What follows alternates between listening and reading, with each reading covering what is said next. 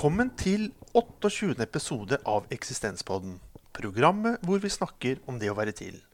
Mitt navn er Erling Bærum, og i dag har jeg fått besøk av Inga Bostad. Takk for at du ville komme. Bare hyggelig. Hvordan vil du kort beskrive deg selv? Jeg er en øh, voksen dame på noen og 50 år med tre barn. Og så jobber jeg som professor i filosofi på Universitetet i Oslo. Er det en episode i ditt liv som eh, har vært med på å påvirke deg til den du er? Det er jo et vanskelig spørsmål. Mange episoder har påvirket meg. Kanskje aller mest fødselen. At jeg ble til. Jeg har vært opptatt av fødsel også som filosofisk begrep. Hva er det egentlig å bli til? Hva er det som skjer? Og jeg har tenkt mange ganger hvorfor er det ikke flere som har vært opptatt av det at vi blir til? At menneskene kommer til verden. Altså fødsel som filosofisk begrep. Det er jo folk som har skrevet om det. Så for å svare på det Det andre som jeg vet har påvirket meg veldig, var at jeg fikk eh, et barn eh, for 23 år siden, datteren min, som eh, i dag er det man kan si multifunksjonshemmet. Og det har påvirket meg veldig. På hvilken måte da? Det har jo eh, gitt meg veldig mm, en ny forståelse av verden, vil jeg vel kanskje si. Um, på godt og vondt. Um, erfaringer om å være annerledes. Um, og jeg har jo etter hvert også blitt interessert i det faglig sett, altså som filosof. Hva er det jeg egentlig kan forstå av henne? Hun har jo uh, et tegnspråk sånn veldig enkelt, men snakker jo ikke vanlig språk. Um, så en av de tingene som, opptatt, som, jeg har vært opptatt av, har jo nettopp vært dette med uh, å forstå andre mennesker, og kanskje ikke engang forstå sitt eget barn. Det kan jeg, kan jeg veldig godt leve med. Og, og, etter hvert så har jo det Som filosof så blir man jo stående ofte og undre seg over ting. Og det er jo noe som, har, eh, som fortsatt undrer meg. Eh, med alle mennesker. Men kanskje særlig det å ha et barn som du må kommunisere på en annen måte med. Og det har jo også lært meg veldig mye. Hva er du undrer deg spesielt mye om i denne forbindelse? I forhold til datteren min, eller Ja. sånn generelt? Ja, gjerne begge Ja. deler.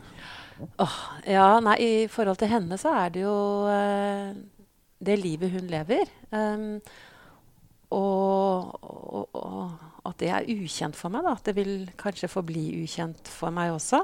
Um, men samtidig så, så er jo hun kanskje en av de mest intuitive, mm, kjærlige menneskene jeg noen gang har møtt. Som er fullstendig uh, uselvisk og, og har gitt utrolig mye. Også selvfølgelig til, til meg og mine og, og, verden, vil jeg si. Og det har jo også undret meg over at vi ikke kan se i større grad uh, forbi ytre ting når det gjelder det å, å være sammen. Uh, at vi så veldig fort dømmer hverandre. Jeg forstår det rett at Da har hun bidratt til å liksom berike din verden? Ja, og det, Ja. når jeg sier det, så tenker jeg med en gang at skal være, man skal være litt forsiktig med det. fordi jeg har jo også hatt mange samtaler med foreldre som har funksjonshemmede barn, og som, som sier at det, um, det kan også provosere dem litt. Fordi det er jo det er um, veldig komplekst. Det er veldig fylt av forskjellige erfaringer. Og det å være menneske. Uh, på godt og vondt. Så man har jo ikke ønsket et hardt liv med mye hjelpemidler og mye strev. Uh, men samtidig så sier veldig, veldig mange at uh, det har gitt dem et nytt og, og berikende perspektiv på livet. Da. Jeg tenkte bl.a. på det du nevnte med et uselvisk. Mm. At det å liksom lære uh, uselviskhet, det gjør vi noen ganger også gjennom å se og observere andre Mm. i sin uselviskhet. da.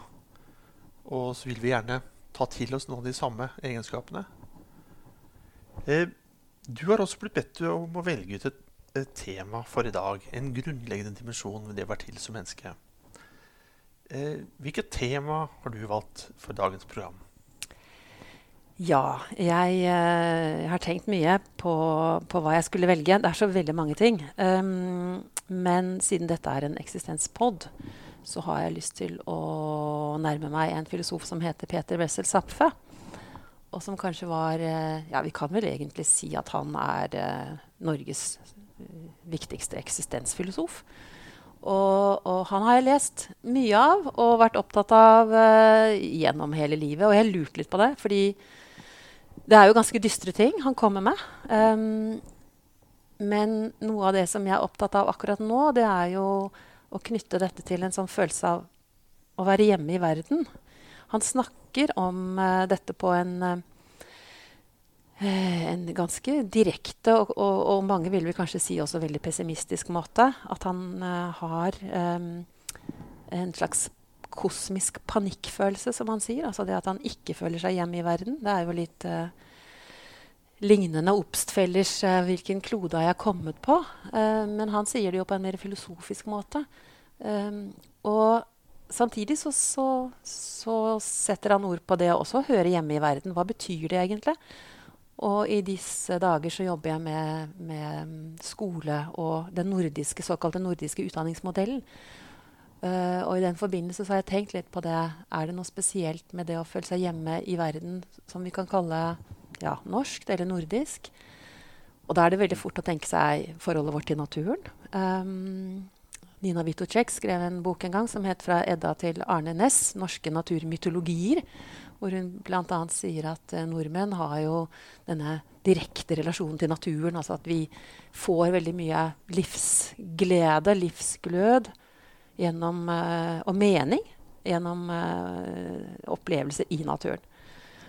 Og det er jo også Zapfe opptatt av. Um, men samtidig så har han denne dobbeltheten som mange eksistensfilosofer har. Kirkegård, for å nevne noen, som, uh, som, forteller en gang at han har vært i et stort selskap og danset og drukket, og det har vært uh, musikk, og han har hatt det helt fantastisk. Og så går han ut på trappen, og døren slår igjen bak han med et brak, og så slår det ned i den gudsstyrte skapning, sier han. Hva er meningen med livet? Uh, og, og, denne dobbeltheten, da, at du kan oppleve disse glimtene av tilhørighet, og, og, samtidig så kan det snu veldig fort. Uh, og man kan føle seg satt på siden og, og miste liksom grepet. Og, og Zapfe skriver jo en hel bok som, uh, om det tragiske, som man kaller det. Altså at det er i bunn og grunn tragisk um, å være menneske. Fordi det er jo ingen um, Som man sier, er jo ingen autotelisk mening, eller det er ingen mening i seg selv med det å være menneske. Når han og Arne Næss diskuterer dette, så sier jo Arne, og det har han, Arne Næss har jo sagt dette her, eh, at under tiden så um, tenkte Zapfe på alt det forferdelige som kunne skje i livet, og jeg på alt det morsomme. Men han gledet seg mer og inderligere over livet enn meg i praksis. Og det er ganske morsomt sagt, fordi eh, det viser jo også denne hva skal jeg si, eh, både denne kanskje splittelsen som mange kan oppleve når du leser noe, så eh, tenker du ja um, Dystre tanker, kanskje, eller at man da føler at uh, det kan være meningstomt. Og så ringer det på døren, og så det, drar du ut på fisketur, eller så er det plutselig Så kommer solen, og så, og så får man et glass vin, og så nyter man livet likevel. Så det er den her Kanskje det er det å være menneske jeg tenker litt tilbake på det du sa om Kirkegård, når han da liksom kom ut fra den festlige sammenhengen, og så stilte spørsmål, og døren gikk igjen bak han. Eh, er det slik at vi lettere stiller eh, eksistensielle spørsmål når vi ikke føler oss hjemme i livet? Og motsatt, at eh, når vi føler oss hjemme i livet, så tenker vi ikke over den type spørsmål? Zapfe ville nok sagt at uh, det er en livsløgn. da. Uh, han snakker om forskjellige typer selvbedrag litt sånn Ibsensk måte å gjøre det på. At jo, vi kan jo godt late som om vi har det fint og føler oss hjemme i verden. Uh, og det går, liksom. Man kaller det fortrengningsmekanismer. Er ulike former. da. Vi kan fortrenge disse spørsmålene og mening, men uh, de ligger nå der, da. Så, så, det er litt sånn ubehag i, i, kulturen på en måte. Så de ligger under der hele tiden, og så slår det ned i deg før eller siden. Um, så Vil du nesten si at det er motsatt av det jeg tenkte? da? Ja, kanskje. kanskje ja. At det er når du stiller spørsmålene, du er hjemme. Og ja. når du ikke tenker over det og gir deg hen i festlighetene, at du kanskje er litt borte? Ja, du Ja, det, det, det syns jeg var fint sagt. Det er, det er nok litt sånn han, han, bruker kanskje litt andre ord. Han går jo veldig sånn Zapfe går jo inn i, også inn i biologien da, prøver å finne svar der. Det, hvis vi ser på artene, er det noe gitt liksom, om, oppgaver i livet vårt? Hvis vi ser på andre dyr, så har jo de en slags eh, omkrets hvor de skal gjøre sitt. De skal samle inn og hente eh, og bygge rede. mens mennesket har ikke denne gitte meningskonteksten da, som man må skape seg selv. Eh, og det knytter han jo om til det biologiske, at vi har fått for mye bevissthet. da. Mente han ikke også at vi liksom var et overutrustet dyr? var det ja.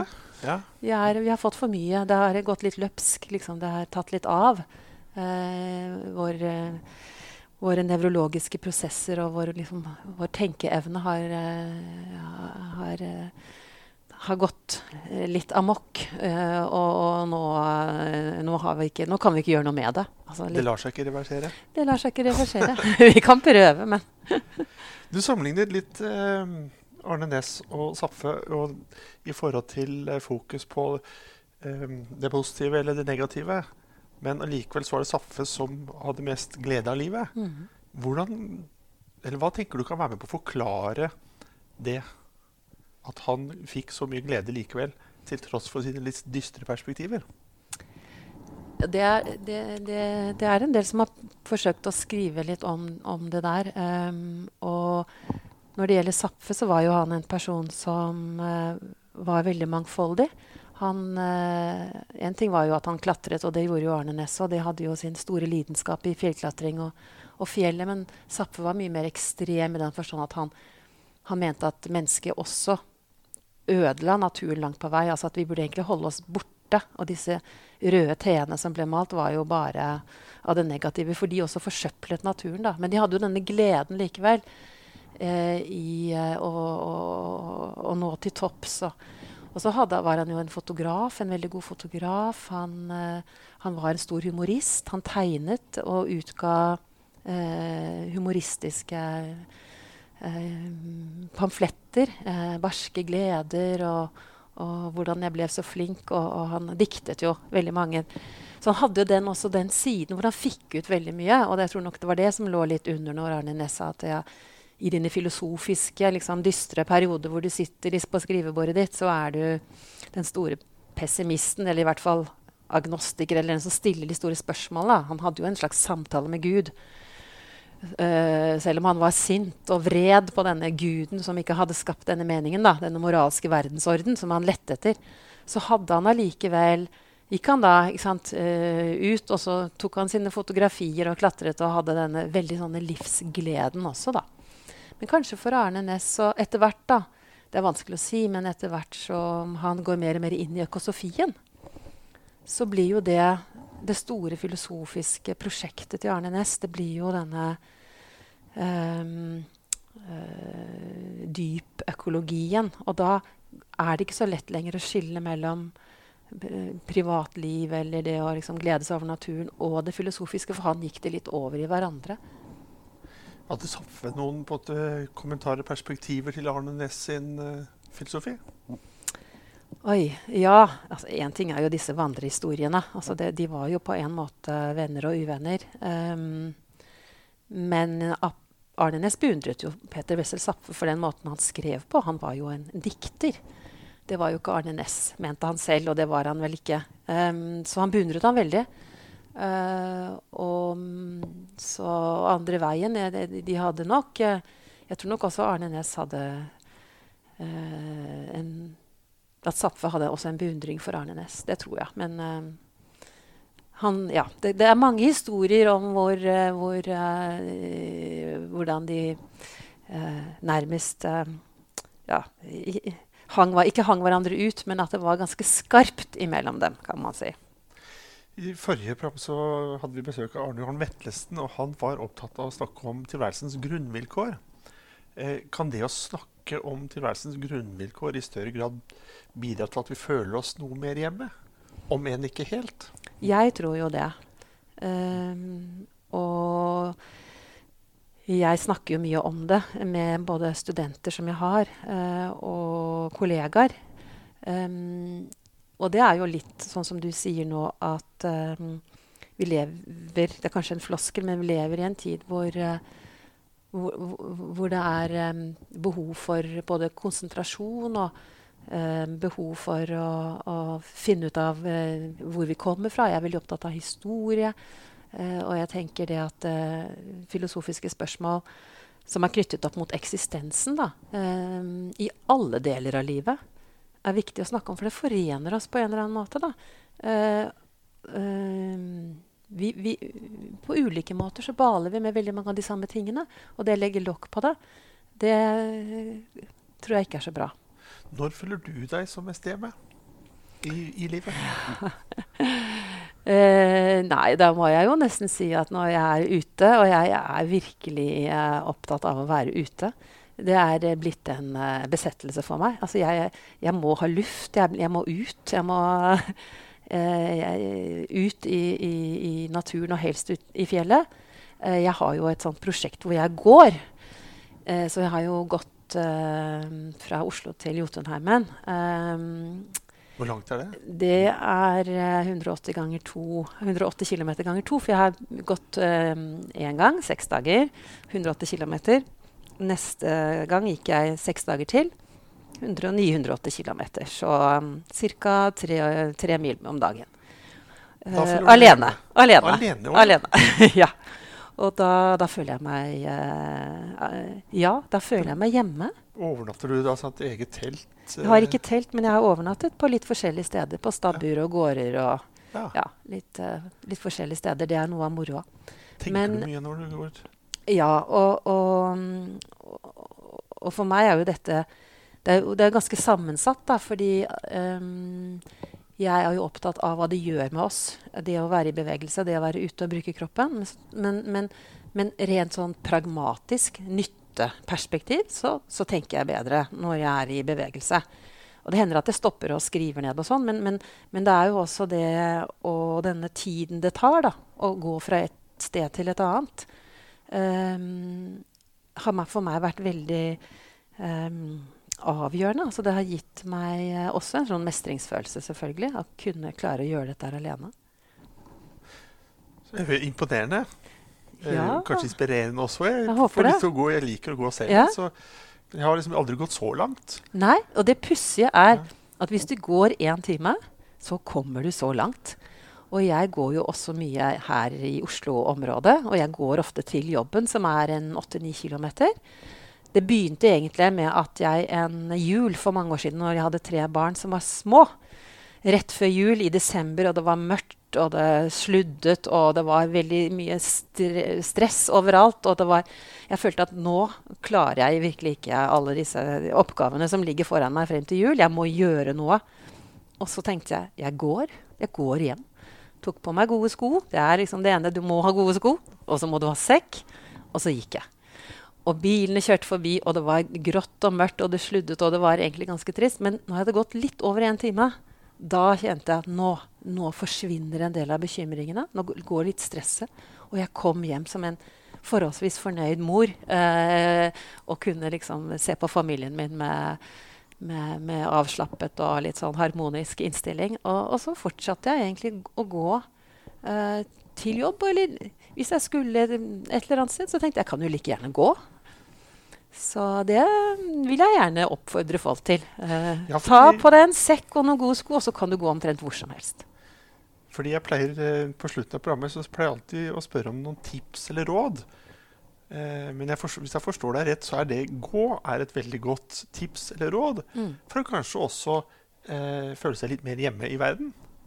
Ja, og, og, og, og, Det er en sånn herlig enkelthet over ja. seg som jeg bare ja. syns To bokstaver. Gå. Ja. ja. Og jeg tenker jo det at uh, i motsetning til å trene på studioer, og jeg gjør også det innimellom, men, men så er det jo en, en veldig enkel ting å gjøre. Uh, og alle kan gå i ulike tempo. da. Jeg mener jo at man skal gå liksom, i et visst tempo for å få den, den gode følelsen. Hva slags tempo tenker du det, det, må være litt sånn uh, ordentlig tempo. Ikke rusle. Det, det, Ikke rusle. Da, du, jeg liker jo å gå ganske fort. Ja. Eh, men det er ikke nødvendig. For meg er det sånn at jeg eh, må opp til en liksom, visst punkt, og så, og så gå. Eh, få i gang pulsen? Få i gang pulsen, ja. ja. Absolutt. Og så ligger det jo et fantastisk kultur og natur, eh, landskap utenfor eh, døra. Altså, gå, begynne å gå. Jeg gikk jo også til Gardermoen den første dagen, og det var jo litt pussig å ankomme Gardermoen til fots.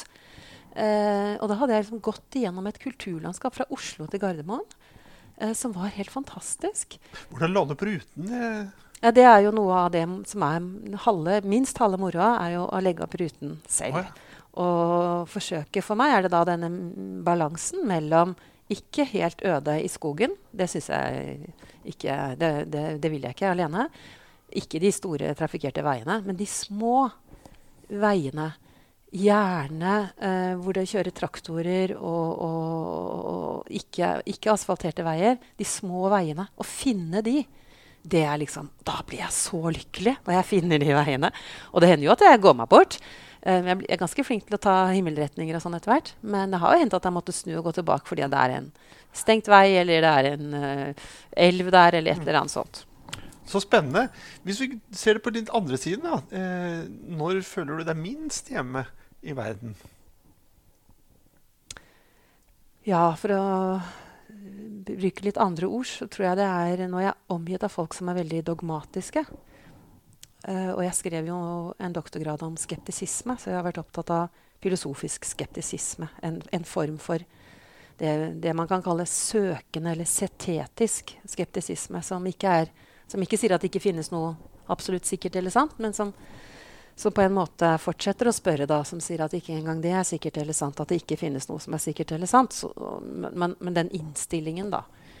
Og, og, det har jeg jo tatt med meg inn i pedagogikken også. Skrevet en bok som heter 'Å se seg spørrende omkring'. Um, en introduksjon til en ny pedagogisk filosofi. Og da tenker jeg at det å se seg spørrende omkring, det en, kan være en metode eller en holdning også i, i undervisning og i pedagogikk. Men da tenker jeg på pedagogikk i et større perspektiv, altså pedagogikk i betydningen hvordan samfunnet fornyer og reproduserer seg selv. Så det å være sammen med eller omgitt av eh, veldig dogmatiske folk og kulturer um, der, der, føler jeg meg ikke hjemme, eh, og, og, kan bli litt provosert, provosert av det. Men det kan jo også at det handler litt om meg, som, som syns det er vanskelig å finne noen allmenngyldige svar. Um, og, og, det som du sikkert har vært innom her på disse podkastene før, det er jo filosofi som det å være Å stille spørsmål, da. Å stille de gode, viktige, grunnleggende spørsmålene. Og det tenker jeg blir litt borte, da. Hvis du omgis av akademikere som har, eller andre som har funnet liksom Det kan være religiøse eller filosofiske, bombastiske utsagn. Da. Da, da, da skvetter jeg. Da, da må jeg flytte meg et annet sted.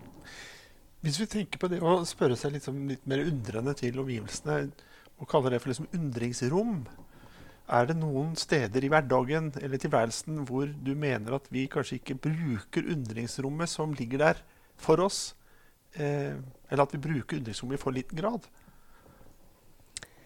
Du nevnte litt sånn innledningsvis eh, dette her med å undre seg over andre mennesker mm. og annerledeshet som det kan du også se på som et undringsrom. Er det noen områder hvor du mener vi kanskje burde undre oss litt mer? Ja eh, i, Kanskje i, i skolen. um, fordi jeg har jo den overbevisninga at du lærer mer og bedre og dypere og, og finner ut av kanskje hva du står for, hvis det er rom for å stille mer spørsmål. Og det handler jo om uh, denne forskjellen på overbevise og overtale. Man, det har vært snakk om også andre filosofer, både Skjervheim og, og, og, Platon. Altså dette med å selv kunne komme fram til det du tror på og holde for sikkert og sant. Uh, Istedenfor å bli på en måte overtalt av noen som forteller deg hva du skal gjøre. Um, så det vi i pedagogikken ofte kaller det pedagogiske paradokset, altså hvordan kan man egentlig tvinge noen til å være fri, eller fortelle noen hva de skal mene, uh, når målet er uh, selvbestemmelse. Så det er jo et paradoks. Og da tenker jeg det at um, hvis man har et litt større sånn undringsfellesskap, eller noen sier, snakker om uenighetsfellesskap, altså um, at, det, at, det, er høyt under taket. Dette er jo selvfølgelig vanskelig, fordi um, samtidig så er du imot rasistiske kommentarer, og man må ha en viss sånn trygghet for at alt er ikke lov å si hele tiden. Her er det noen grenser for uh, men, men, det må vi prøve å finne ut av sammen. Så i, ja, i pedagogikken så tror jeg det er uh, i mange sånne pedagogiske sammenhenger, da, så tror jeg det burde vært uh, rom for enda mer undring. Kan utålmodighet være med på å ødelegge for undringen? Ja, det tror jeg. Og jeg har vært opptatt av lytting. Det å lytte, det er ganske vanskelig. Og det henger kanskje litt sammen med dette med at jeg blir litt provosert av dogmatisme. Og, og, det er veldig nært opp mot det å ikke lytte til andre, eller tro at du lytter. Og noe som man kan drive med når man har filosofiske samtaler, er f.eks. å gjenta det andre har sagt. Og det viser seg å være veldig vanskelig. Folk gjentar ikke det andre sier. De legger noe annet inni det. Så det å lytte etter hva folk sier, også de tause eller stille barna, og de som kanskje ikke har det språket, da, men, men øh, det mener jeg er, øh, kan hindre en, eh, en genuin liksom, interesse for andre. Da. Og de barna som, som, hvor alt går litt sent Vi snakker jo dette om at noen er sent utviklet. Og, ikke sant? Um, det er jo et veldig tempo i, i, skolen i dag, og for så vidt i samfunnet for øvrig, at man skal oppnå nye mål, og det skal gå veldig raskt og fort. Uh, og da er det de som kommer litt etter litt når du snur deg bort og tror at 'nei, her var det ingen hjemme', og så kommer det en reaksjon. Så um, det å da ha litt dårlig tid kan ofte få oss til å overse verdifulle egenskaper ved andre mennesker og interessante erfaringer. Vi lytter jo gjerne med, med ørene. Um, men vil du si at vi også kanskje lytter litt for lite med øynene? Ja. Mm. Ja, Uh, og der har vi mye å lære av f.eks. For forfattere som skriver uh, fiksjon. For ikke å snakke om, om, om, poetene, som virkelig kan se. Og som Jeg mener jo at veldig mye uh, filosofiske ideer finnes minst like sofistikert bearbeidet i, i, litteraturen, og kanskje aller mest i, i poesien. Og de ser jo ting. De ser bladene som blinker på trærne. Det er lys der. Sånn, vi legger merke til ting. Men det å se er selvfølgelig også eh, veldig bestemt av vår kultur. Og vi ser etter det vi er interessert i. Vi overser veldig mye. Um, så de som Det å bli sett og bli lagt merke til er jo helt avgjørende, uh, tenker jeg. Det er jo gjerne sånn at uh, frykt um, har blitt sagt å definere oss på veldig mange måter. Eh, men jeg lurer på, kan også liksom uh, Frykt også knyttes til vår eh, manglende evne til å se hverandre fordi vi er så opptatt av at andre skal se oss? Hvis du skjønner, hva, hva, hvor, hvor, kommer denne blindheten fra, da, som gjør at vi ikke mm. ser og lytter godt nok? Er det fordi vi er så redd at andre ikke skal se oss, elske oss, høre oss? Har du noen tanker om det? Ja, det tror jeg. Og det, og det, og det er veldig, veldig forståelig. Um, og, og, når man ser noe man ikke kjenner igjen, som er fremmed, så er det jo ikke så lett å vite hva skal du gjøre. Og, og en del annerledes eh, atferd. Det, det, det, er klart at vi, vi blir engstelige, og, og det, det, er veldig forståelig. Og det handler jo kanskje da om å få den kunnskapen, da. Den kompetansen. Eh, ikke bare være liksom, åpen og, og lyttende, men, men, rett og slett å ha faglig kompetanse om det å være annerledes. Eh, jo mer du kan, jo mer du, uh, kunnskap og innsikt du har, jo mer klarer du å se. Um, og, og, det er jo sånn hermenautisk uh, poeng. ikke sant? At uh, vi er jo formet av veldig mye av disse fordommene våre, på godt og vondt. Um, men vi kan jo lære oss opp til å utvide den forståelseshorisonten ved å lese filosofi eller litteratur. Uh, og uh, Piketty, som har skrevet om kapitalen i vårt århundre, og som kom med en ny bok nå om ideologi og kapitalen, sier jo at det er to ting som på en måte har ligget under denne boken. Det ene er jo eh, kunnskap og, og innsamlet statistikk, ikke minst. innenfor eh, samfunnsøkonomi. Men det andre er skjønnlitteraturen, eh, som, hvor han finner innsikter som ingen andre har liksom formidlet om det å leve i ulike typer av fellesskap. Og fordele goder på ulike måter, eller ha, ha ulike typer av liv. Det, det, finner han der, først og fremst. Mer enn i andre, andre fag. Da. Og det syns jeg er veldig interessant. Så det å kanskje åpne oss eh, gjennom, eh, gjennom, fiksjonen. Uh, Martha Nussbaum snakker veldig mye om dette med, med å Hun sier at uh, en av de måtene vi virkelig kan sette oss inn i hvordan andre mennesker har det, det er jo gjennom litteraturen eller gjennom film. At, for du hopper du plutselig inn i, på 1200-tallet inn i en gutt som vokser opp et sted, eller på 1800-tallet. Du får den der anledningen til å bli kjent med andre måter å leve på. Og det er jo veldig flott. Litt i lys av det du sier med, med tanke på kunnskap og fordommer. Mm. Eh, det får jo meg til å tenke på viktigheten av at jeg selv må være ydmyk eh, når jeg snakker om noe jeg har lite kunnskap om. da. Men det er jo ikke alltid man opplever eh, i samtaler med andre. Vi kan jo være ganske bastante i våre holdninger og synspunkter selv om vi har dårlig kunnskap. Så det kan være en viktig påminnelse for seg selv. da. Ja. Men hvis vi tenker litt sånn relasjonelt eh, Har du noen måter da, hvor vi kan hjelpe de litt mer dogmatiske eh, som sitter foran oss, eller i en gruppe rundt oss? Hjelpe de litt på vei til å bli litt flinkere til å, til å lytte oss til å se? Er det noe vi kan gjøre, noen gode spørsmål vi kan fremme? Det er jo lett å, å, å, å ta altså En del motstrategier er jo det å slå i bordet med det motsatte. Uh, det er jo veldig vanlig, og jeg gjør jo det selv også. Uh, men uh, en annen måte å gjøre det på er jo å stille litt mer åpne spørsmål. Og, og, jeg har jo studenter som syns det er vanskelig å stille spørsmål. Og jeg, når jeg sier til dem at dette er jeg legger fram dette på denne måten. Det fins mange andre tolkninger. Det er jo dere som må komme fram til dette selv. jeg har kanskje bare ett mål, og det er å få dem til å tenke selv. og, de, og det forstår jeg jo. Det er jo hele konteksten at det er vanskelig å stille gode spørsmål. Og da sier jeg at ja, ett spørsmål som alle kan stille, der Hva mente du egentlig med det? Og, og, og det, det, er ikke ironisk ment. eller sånn, Det er rett og slett Hva mente du egentlig med det? Kan du, kan du utdype det? Kan du si det på en annen måte? Alle kan stille det spørsmålet. Uh, og det kan jo være en sånn Hva mente du egentlig med det, når noen har en eller annen veldig sånn her er det, Sånn er det bare, altså. Dette er Istedenfor å bli provosert, som vi ofte, ofte kan bli. Mm. Eller fortelle en historie. Um, det tenker jeg kan være en veldig god sånn motstrategi. Å fortelle en historie. Og jeg kan fortelle en veldig kort historie. Men uh, da min datter var på et uh, internat for noen år siden, så kom det en annen uh, elev inn som var uten språk, og han var ganske sånn utagerende. Og hadde med seg en hjelper, en pleier, som var veldig sliten. Det, jeg var der og bivånet dette. Det er min, min versjon. Um, og så setter de seg ned, og så er det da tre ansatte eldre kvinner som har mye faglig kompetanse.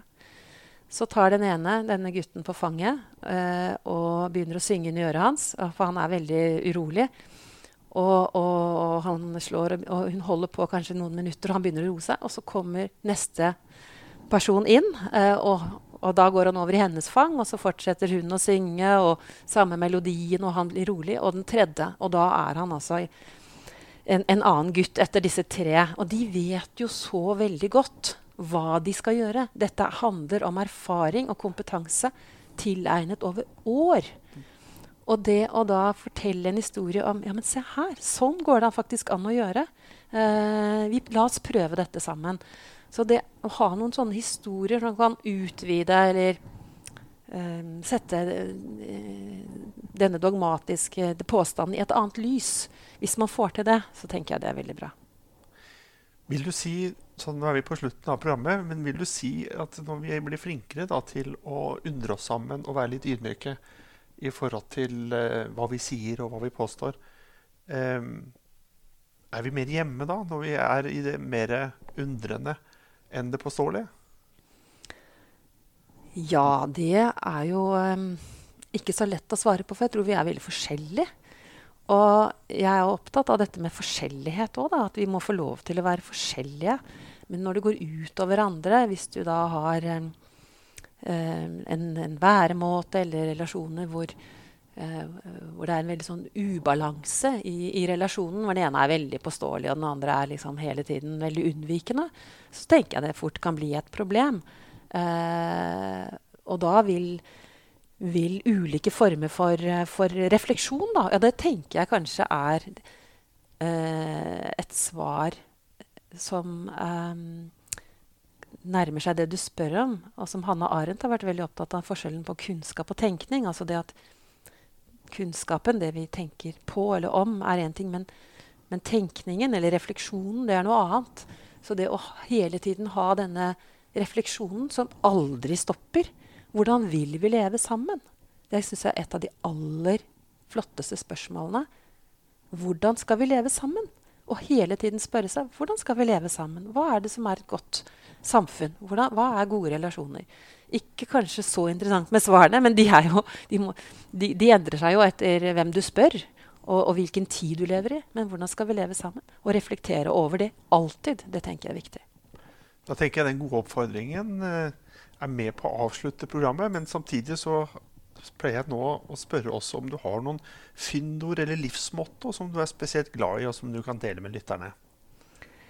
Jeg har en sånn liten hustavle på, på kontoret mitt. Og de to første retningslinjene er slik Én ting av gangen. Ting tar tid. Da takker jeg for samtalen. Takk også til deg som lytter for å ha fulgt oss denne halvtimen. Vi høres igjen og inntil da, ha det bedre enn bra.